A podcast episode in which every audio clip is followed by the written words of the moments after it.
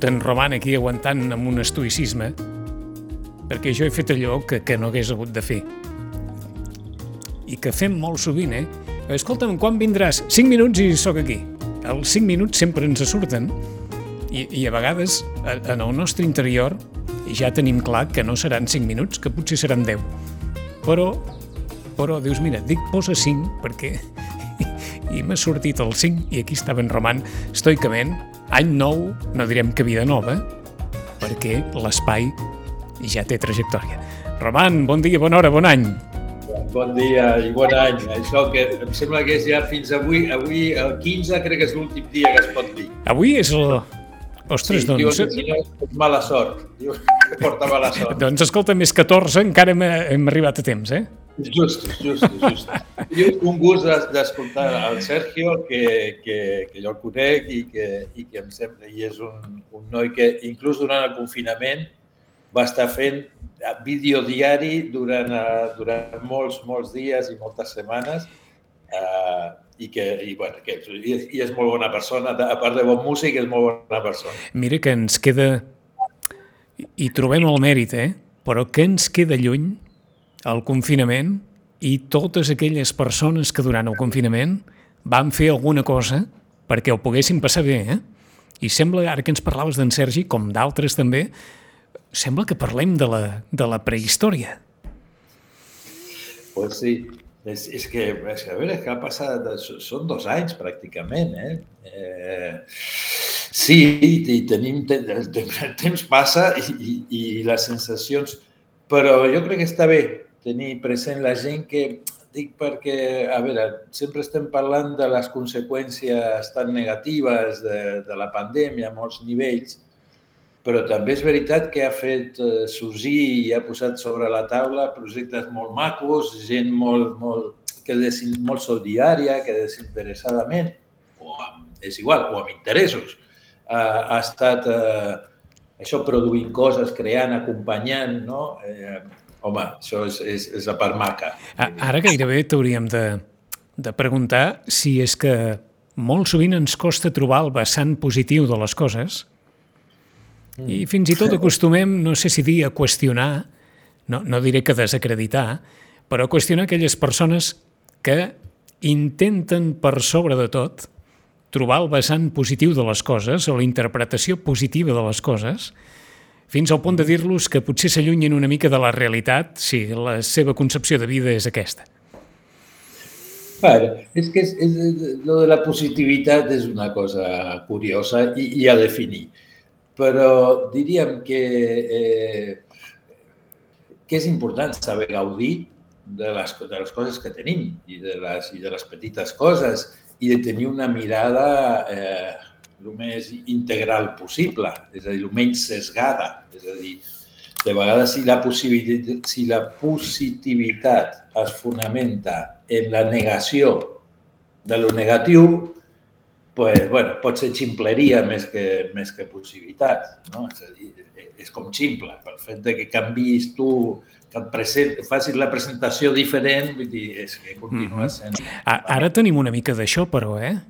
D'una societat que acostuma a negar allò que no li agrada o, o a raconar allò que no li agrada o allò que li senta malament o allò que, que d'alguna manera ens obliga a, a pensar en coses que, que ens atabalen una mica. Bueno, això, el màxim exponent seria la mort. Eh? D'allò que no volem parlar, d'allò que no que intentem negar, que per una banda eh, ho necessitem per anar tirant, perquè si vas tota l'estona pensant que ets un ser finit i que et moriràs i si te'n malaltiràs, eh, no, no viuríem. Eh? Uh, però sí, sí, és veritat que la societat mm, funciona. Els, la humanitat, el ser humà funciona eh, molt a partir de la negació, que és un mecanisme simple on, on n'hi ha, és a dir, en posar un no davant, mm -hmm. no tinc fred, no estic malament. No, si li treus el no, moltes vegades és quan eh, estic malament, però un, imagina't tu en lletres, un prefixe, una, una, un monosíl·lab, pues ja està. I... Doncs eh, ens ho has posat molt bé, amb safata, per, per una de les qüestions que volíem plantejar amb en, amb en Roman i que no és nova ni vella. Ahir va ser el Dia Mundial de la Depressió. Uh -huh. uh, llegeixo de la, lluita, de la lluita contra la depressió, que m'agradaria començar per aquí. Hi ha persones que directament neguen eh, eh, l'existència de la depressió, neguen que alguna persona pugui estar eh, deprimida, pugui viure un, un, una circumstància personal que costi molt d'entendre per la resta de les persones que els envolten i, per tant, que acabi sent negada per les persones que l'envolten? Eh, sí, sí, i tant, que costa molt d'entendre. La, depressió i d'altres, però la depressió partic particularment. Partic perquè s'agafa, o sigui, clar, és, és estrany veure una persona que no té ganes de res, no? que, que parla malament de si mateixa, i que, que clar, va absolutament en contra del funcionament habitual de tots, no? que tothom va tirant-se cap amunt a aquesta positivitat, no? gent que s'aixeca i es mira al mirall al matí i diu avui ens anem a menjar el món, sóc el millor, que és una exageració ja. Um, i, i, I el depressió és al revés, s'està presentant sempre com la pitjor persona del món, eh, es tira baix constantment. A veure, moltes vegades és una forma de protecció, és a dir, és no, no voler connectar amb el patiment i la, i la problemàtica de l'altre. És, una, és una manera de, de, de treure-li ferro, eh? però per no connectar amb, la, amb lo dolorós i, i lo difícil que és. No? És a dir, I, mo moltes vegades aquest no amaga un, eh, eh, no m'hi poso, per què? Perquè si m'hi poso, eh, això serà un problema per mi i, per tant, eh, escolta'm m'afectaré. M'afectaré. I en part m'espantaré. Eh? Si jo nego la depressió, home, segur que jo no agafaré depressió. No sé, suposo que els negacionistes de Covid pues, pensaran que no l'agafaran, que està clar. Si no hi ha Covid, pues no l'agafaran. Uh, sí, pues sí. El, el, el que passa és que eh, com tot, eh, una depressió necessita un diagnòstic de depressió. Eh? Vull dir que perquè ho fem del llenguatge, nosaltres ens apoderem del llenguatge, sobretot, curiosament, del llenguatge mèdic, per tot, eh? per, inclús per insultar. Uh -huh. no?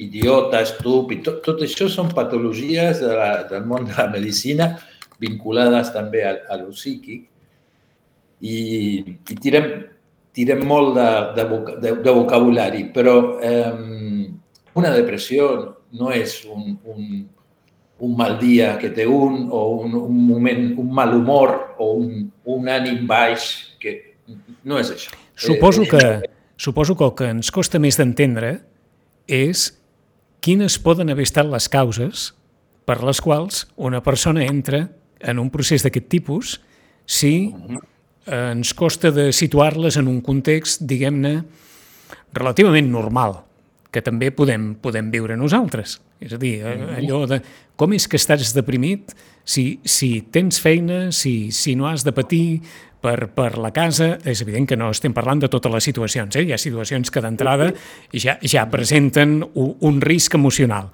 però per aquelles persones que es puguin, que es puguin preguntar, escolta'm, però com és que estàs deprimit si, si tens feina, si tens un sou final de mes, si tens família, si tens salut, què, què, què t'ha passat? I, I això segurament és el que ens costa més de poder associar a un estat emocional que, que no comprenem a Clar. partir d'un entorn determinat, no? Clar, perquè eh, és que justament no es tracta tant d'una realitat objectiva, com d'una manera de subjectivar, no? d'apropiar-se de la realitat. És una perspectiva.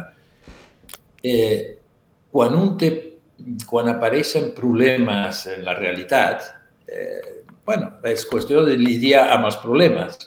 No? És a dir, si tens problemes de feina o vols canviar de feina, bueno, és una realitat amb la que has de lidiar. Però això no, no porta a la depressió ni... No, no, és, no, no té que... Moltes vegades, inclús és al revés persones que surten de situacions molt difícils i durant la situació difícil van afrontar, van ser resilients, van estar actius, després que passa això, uns mesos després, fan xof i cauen. Eh? Um... Eh, eh, aquest exemple que ens posa Roman segurament sí que el poden recordar moltes persones grans, perquè abans era bastant habitual que quan algú passava per un període molt difícil, algú altre li deia quan passin uns mesos tot això et vindrà. Tot això et vindrà. Després d'una de, malaltia d'un familiar o després d'haver atès a una persona en una circumstància difícil, abans es deia molt allò de bé, ho has passat, però tot això et vindrà. Clar, perquè, bueno, també es diu, no?, que aguantes el tipus. Ah, exacte, sí, sí. No? a la motxilla, perquè, perquè si, si, justament perquè no pots desmuntar-te. No, no pots fer, diríem, no pots tenir l'afectació o no pots sentir i experimentar l'afectació, que és una manera de tramitar-la. I aquí ja potser ens acostem a les causes de la depressió. Uh -huh. eh? Sigui com eh... sigui, Roman, la depressió és, doncs, per, per situar una mica un procés interior. Sí. Sí. Sí, sí, sí, sí és un procés interior. A veure, eh, parlem de... Hi ha un tipus de depressions endògenes motivades per qüestions biològiques i, i però això és una, és, és sí, una, altra, sí, sí. És una, altra, una altra qüestió. Eh, I estàvem, perdó, en les causes. En les causes. No? I, I quan sí. tu ens comentaves que aquest, aquest procés interior prové d'una interpretació subjectiva de la realitat. Sí. Que per i, nosaltres i, pot ser una realitat sensacional, eh, esplèndida, però per la persona que viu en nosaltres, aquesta realitat ah. que per nosaltres és esplèndida o objectivament diríem que, que normal, per sí. aquella persona pot ser una, un territori hostil. Pot ser eh, una cosa buida, que no té cap, cap sentit, que no aporta cap significació eh, interessant per la vida. Eh, clar, una posició que una altra des de fora podria fins i tot envejar, però aquella persona no sent que això li, li satisfà i ompli de vegades té que veure justament amb la pròpia malaltia. Per tant, Roman, si no entenem això d'entrada, que és un procés interior, difícilment podrem comprendre les persones que visquin una depressió. Sí, és que, com dir-te, la comprensió sempre serà mínima, o no, mai tindrem una immens inclús per, et diria que hi ha molta gent que ha passat depressions i ha passat per depressions i no ha sapigut mai de què o com o per què. Eh? Perquè moltes vegades es tracten eh, farmacològicament, eh, que dona, i, i, i moltes vegades de per vida. És gent que comença a prendre medicació antidepressiva i, i, i haurà de prendre tota la vida aquesta medicació perquè la, la medicació no la cura, la depressió. El que fa és pal·liar, dintre del possible, els símptomes de la depressió. Eh? I, eh, bueno, a base de pal·liar símptomes pot fer que el subjecte tingui un equilibri i funcione mig, mitjanament bé. Uh -huh. eh? però, mm, però no esbrina ni les causes, ni els motius, ni com, com està implicat en això que passa. Per què? Poden perquè sempre hi ha unes causes? Sí. Sí. Sempre hi ha, sempre hi ha unes causes, eh? D'acord. Ara, a partir del que hem comentat, fins a aquest moment, introduïm el que va ser un tema recurrent ahir, en aquest dia contra la depressió, que és fins a quin punt la gent jove, o joves, estan sent ara protagonistes de molts episodis, diguem-ne, mm, d'emocions alterades o posades en una situació de risc. Llegíem ahir. El telèfon de prevenció del suïcidi de Barcelona ha atès aproximadament 6.000 trucades en 6 mesos. O sigui, 1.000 trucades al mes. Des que es va posar en marxa l'agost del 2020. D'aquestes persones, els joves són qui més han notat l'impacte de la pandèmia. De fet, prop d'un 30% de les trucades que rep el servei telefònic les fan menors de 30 anys, o sigui, més de 300 trucades de les que s'han rebut des de l'agost del 2020, des de fa un any i escaig, això per part d'aquelles persones que han volgut trucar, no estem parlant dels que no han trucat, però dels que han trucat, d'aquestes 6.000 persones, hi ha més d'un 30% i un 30% de 6.000 són 1.800, que són menors de 30 anys. I els especialistes diuen que la joventut és el moment en què necessites sortir, tenir contacte amb els teus parells, etc etc, com una de les circumstàncies. La disminució de la vida social, un mercat laboral restringit o la pèrdua d'algunes de les primeres experiències són alguns dels efectes col·laterals que han tocat de primera mà els més joves, segons la doctora Cristina Teixidor, cap d'àrea de primària del Centre de Psicoteràpia de Barcelona Serveis de Salut Mental. Mm -hmm. Esclar, és una, és una gentada, 1.800 persones. És, és, és. I, i em sembla que la, la, la valoració hi coincideixo plenament. És sí? Dir, clar, clar, les circumstàncies... Eh, a veure, no sé com dir, o sigui, hi ha, hi ha coses que marquen la vida. O sigui, I si no passes per aquelles circumstàncies, la teva vida serà una altra. Eh?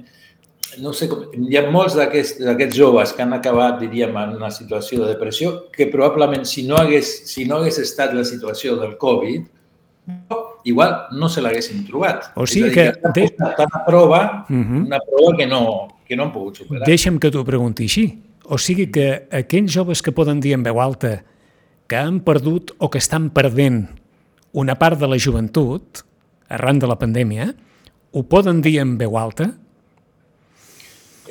En la mateixa veu alta que ho pot dir un nen, un adolescent, la gent gran, què, què ha de dir la gent que té? Una persona que s'ha tirat del 70 al 72 quan no sap quants anys de vida li queden sense poder veure la família, T'ho pregunto, t'ho pregunto per aquells, i en contrapartida, per si això ajuda o no ajuda, per aquella percepció que molts poden tenir. Bueno, escolta'm, que no serà per tant, que, que la vida és llarga, eh, eh, tens 15 anys, 16 o 17, això és un any o dos anys.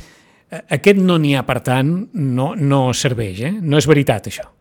No, però jo em sembla que això els acosta més als joves a una part més rabiosa i agressiva que no depressiva. Eh, quan, eh, quan es parla així en, en to de queixa o reivindicatiu, eh, desperta més, en ser, més intransigència, més agressivitat, no? perquè es veuen... I, efectivament, tota aquesta argumentació de que per un any, una, un any per un jove, eh, com que un any? Ni un cap de setmana, o sigui, dos caps de setmana ja és molt. Un any és impensable. En aquest sentit, o sigui, sí, els adolescents i els joves han patit molt de la restricció de circulació, eh, de socialització. O sigui que, per, per explicar-ho clarament, no és cap bestiesa que un jove digui que està perdent la joventut arran de la Covid. A veure, e, és una interpretació una mica dramàtica, mm -hmm. no? Dic perquè, però que, que, que paga preus, que està perdent coses, sí, això absolutament. No són els únics potser són els més incompresos, perquè les coses que més valoren els joves que perden, clar, però la gent gran dius, home, nen, que no vagis a ballar, no és tan greu. Dius, sí, clar, si tens 70 anys segur que no et sembla molt greu. O que hagis de tornar abans de la una a casa teva, tampoc et passarà res. Dic, home, no, a mi no em passarà res perquè mai torno després de la una. Uh, però els joves sí. I si més no? Mira, això ho va dir un jove fa molts anys quan li van detectar una, una problemàtica sèria i tal, eh, i va tornar tot fotut a casa perquè el metge li va dir que no podria escalar. No? I els pares li diuen, però tu quan has escalat? Si en ta vida... Diu, i què? I si, i si ara m'agafa per escalar? és aquesta, fins i tot això, el, el veure alguna porta tancada, ja el jove ja li, li rebota. Eh? Perquè això, el món és una cosa oberta i gran i... Eh, ens ho has apuntat ara molt bé. Uh, incomprensió. La paraula incomprensió. I si darrere d'aquesta paraula hi ha precisament aquesta situació d'angoixa personal de, de no trobar una xarxa o de no trobar o algú amb qui poder explicar tot, vaja, tot aquest drama que, que es viu arran de les restriccions, arran d'aquest any i mig, i per tant que això emocionalment tingui unes conseqüències. A veure, ells ho troben entre ells. Ells sí que s'ho parlen, s'ho diuen, coincideixen eh, i, i despotriquen, diríem, contra la societat més, més, més, més gran o més madura o més edat. Uh, que estaria bé que hi hagués més comprensió en general dels joves i de... Sí, i, i a més a més acceptació de que eh, les vivències són les de cadascú. És a dir, com viu un jove les restriccions eh, de, de, de l'epidèmia, de la pandèmia del Covid, eh, mai serà igual a com la viu un nen petit o com la viu un, una persona gran. Eh, amb la qual cal respectar. Cal respectar de que cadascú parla del seu i des de la seva vivència eh, i que això no és discutible. Eh? Quan, quan una persona diu no, està plorant, eh, plora per algun motiu, el sàpiga o no. És a dir, però, però no, no, no es fingeix, o sigui, és, és una cosa sentida. I si se sent, se, mai t'equivoques. Igual estic equivocat. Diu, no, no, si ho sents, no t'equivoques. Si tu sents fred, és igual que facin 45 graus fora el tema és que tu tens fred. I, a part, I aquesta qüestió, de vegades hi ha tendència com a intentar objectivar tot. No hi ha cap causa objectiva. Mm -hmm. Si no hi ha cap causa objectiva, aleshores no hi ha cap causa. Pues no. Què passa no. quan la realitat és tan potent que no la pots canviar i que és la causa, per dir-ho d'alguna manera, del teu mal? Per exemple, -huh. Mhm. Pares i mares que, que li poden dir al seu fill o a la seva filla adolescent què vols que hi faci jo? Si, si les restriccions van més enllà de les nostres capacitats de poder resoldre l'assumpte. I, per tant, s'apel·li directament a la capacitat que pugui tenir un mateix d'adaptar-se a una circumstància a, a, la, a la qual tothom té l'obligació d'adaptar-s'hi perquè no la podrà canviar, com és una pandèmia. -huh eh, els, tractant-se de pares i d'un adolescent, jo crec que el discurs és... Eh, a què fastidia? què fastidia? Uh, venint a, dic perquè si no els pares es connecten com si juguessin en una lliga diferent. I estem tots en la mateixa lliga, precisament, d'agafar i poder entendre, dir, ostres, uh, si aquestes restriccions home, a mi la que a tu t'importa tant, la de la una, a mi m'és igual, la... però ens afecten a tots i és això. I és, i és, és dur de portar i són frustracions i són restriccions i això, ens hem d'adaptar. Eh, és, a dir, és a dir, es tracta més, i em matises en el que faci falta, eh? Mhm. d'intentar empatitzar amb la frustració que no pas de censurar la poca adaptabilitat a la frustració que té el fill o la filla adolescent. Sí, jo sí. crec que sí, és més, és més, és més ric, eh, és més sincer, és més honest. És a dir, no és que... I, i recalcar el que la realitat ja marca no té massa sentit. És a dir, eh, les restriccions hi són. També és cert que els adolescents mm, tendeixen a la transgressió. Eh? Dic, eh, els adolescents s'han fet de tots colors, han, han sortit després de la una, han sortit quan els pares no s'assabentaven que sortien, eh, alguns sí, més declara, declaradament eh, contestons. És a dir, eh, però, però això són circumstàncies de com això es fa aquesta adaptació. Mm -hmm. Probablement en la depressió la possibilitat adaptativa no... O sigui, si, si hi ha adaptació i hi ha una possibilitat de transformació d'una realitat que marca, ja no entres en depressió. Eh? Justament quan no pots adaptar-te i sense això, que només fas que perdre i tots són mals i tots... pues clar, aquí ja t'estàs acostant més a, entrar en una, en una dinàmica de tipus depressiva. Ara, mm, ho emmarquem en el context, el que acabes de dir. Si una persona abans de la pandèmia era més o menys capaç d'adaptar-se a les dificultats, haurà passat emocionalment parlant millor aquesta pandèmia que una persona que sempre li costava d'alguna manera gestionar les dificultats? O no té res a veure? O, o la pandèmia pot haver trencat totes les baralles i aquelles persones que deies, mira, com, com s'enfronta a les coses més difícils, ha arribat la pandèmia i no, i, i no ha trobat recursos propis per, per tirar endavant. Clar, això eh, va cas per cas, no? Poder, això hauríem de veure cas per cas, però que eh, diríem que, en principi, una persona que té una certa solvència a l'hora de tractar els problemes, perquè eh, és que quan la gent diu és que jo no, no vull tenir problemes, dic, pues, pues va lluit, no és lluit, o sigui, eh, no vols tenir problemes, la mort, aquí s'han acabat tots els problemes. Però eh, la qüestió no és no tenir problemes, sinó tenir capacitat eh, resolutiva respecte als problemes. No? Aquesta és la qüestió, per esperar, o sigui, com deia aquell, quan deia, avui tinc un bon dia, diu, ja, però tranquil que aviat vindrà algú i me'l fastidiarà. Mm -hmm. Amb un problema, amb una circumstància... Em, em desmarco una mica de la depressió.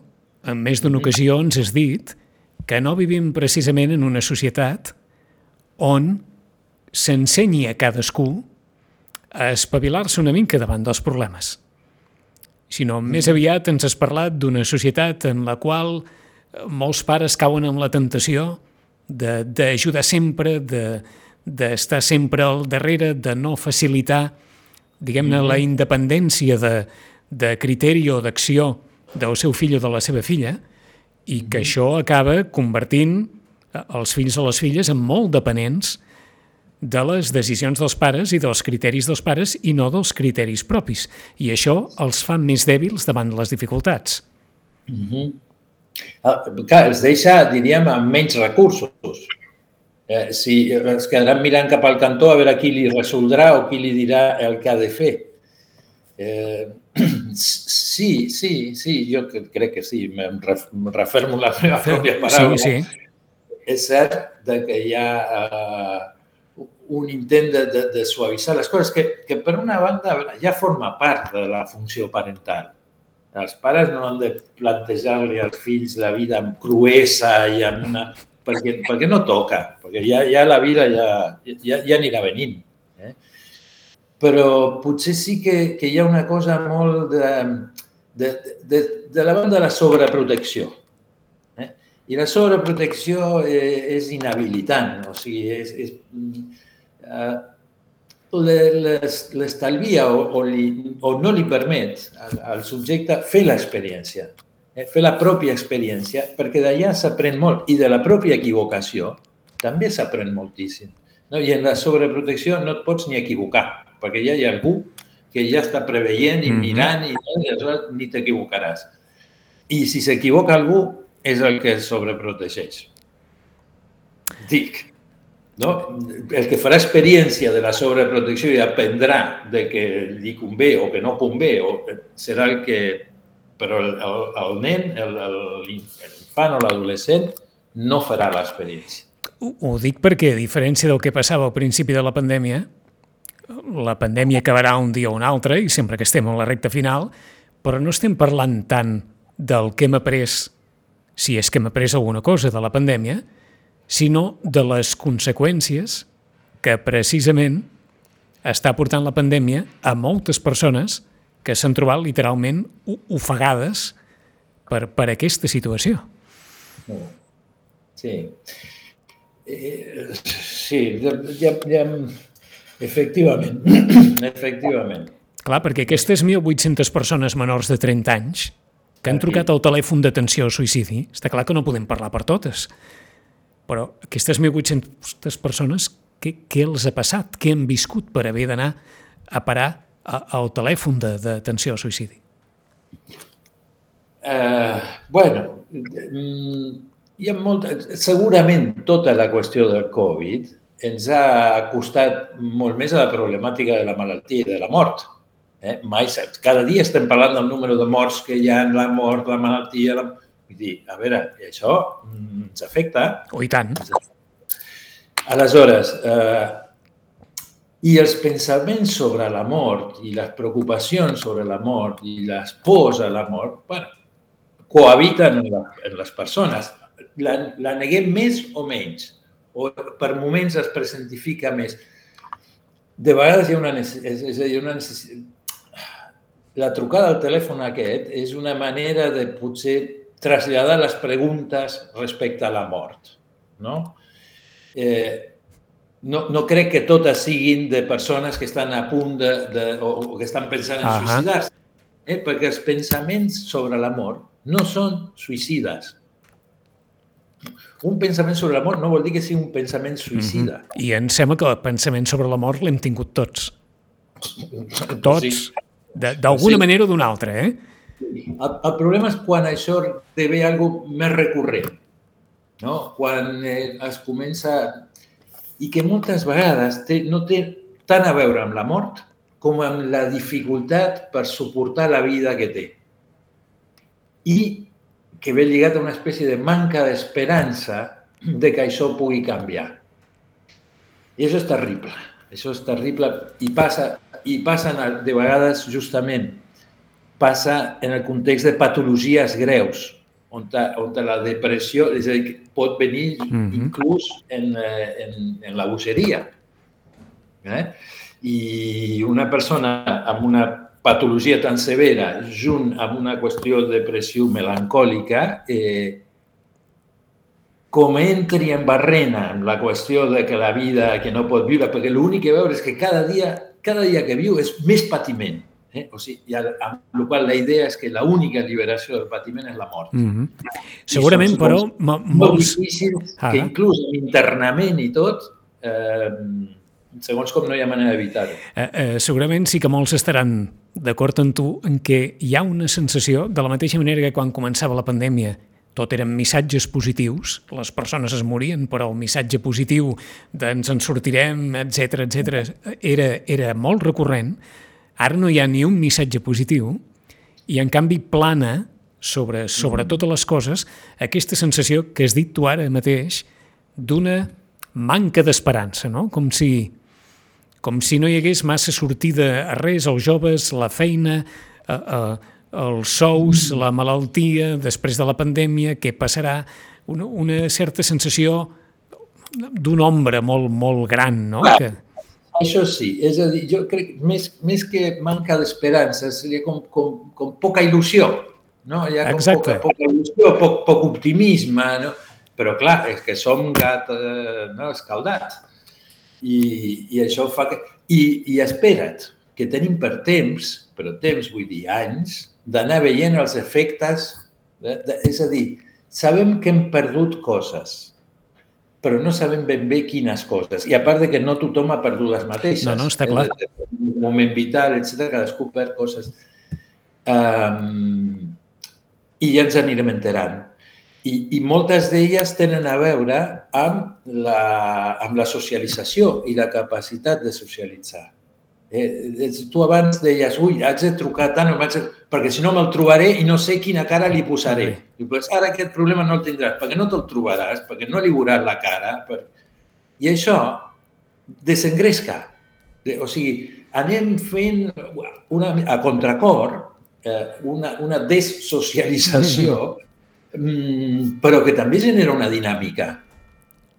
I la, i la dinàmica és més aviat a, més d'aïllament Eh? Doncs, eh, I això jo crec que és bastant, està bastant present en tots. O sigui, trobaràs molt poca gent que et digui que està socialitzant a, a l'obèstia. Eh, està clar. No? Són les 11, torno al principi de la conversa per, per acabar-la. De la mateixa manera que parlàvem que la depressió és un procés interior, eh, l'optimisme davant de la vida o una mm. certa actitud positiva davant de la vida, eh, això forma part de la nostra naturalesa o això s'aprèn? Eh, jo crec que forma part de la nostra naturalesa i això, les circumstàncies vitals o, o diríem, ho potencien més o, o dificulten més. És dir, segons on caiguis i el tipus de família i de vincles i de societat en la que et moguis, això està més facilitat o més obstaculitzat. Com dir-te, si, te, si ets fill d'una mare amb depressió, eh, pues difícilment tindràs aquesta visió tan optimista del, no, del món. Eh? Uh, uh, uh, esclar, es pot emmalaltir d'optimisme? De la mateixa manera que podem, que podem emmalaltir si tenim una visió massa negativa de les coses? A veure, eh, home, un excés d'optimisme depèn, depèn del fonament que tingui. Vull dir, si, si, si, dic perquè si no és eh, un optimista, eh, diríem, en buit o sense fonament, sí, sí. és un il·lús, és, és quasi un, un tonto. Dius, més feliç el tonto? Pues no, no ho sé, jo no, jo no ho crec, no, no ho crec. No. Però, però la frase també està treta de l'aforisme popular, eh? Allò, si quieres sí, ser sí. feliz, como tú dices, no analices. Analices, doncs, no analices. Doncs això, en 15 dies... Amb, amb una altra. Vinga. L'anàlisi, l'anàlisi de l'anàlisi en la paràlisi. Analitzar sí, eh? però tampoc podem estar tota l'estona analitzant cada cosa, ni, ni necessitem saber, mira, no sé per què menjo un plàtan i m'encanta. Diu, però per què? Diu, pues mira, no ho sé. Ni ho sabré mai i m'és igual. M'encanten els plàtans. Aquesta és una bona frase també, eh? L'anàlisi per l'anàlisi és la paràlisi. Doncs, en 15 dies hi tornarem des del Centre de Reeducació de Vit, al carrer Pau Barrabeig, número 16, com sempre, amb en Roman Pérez. Roman, fins d'aquí 15 dies. Moltes gràcies, que vagi molt bé. Adéu-siau.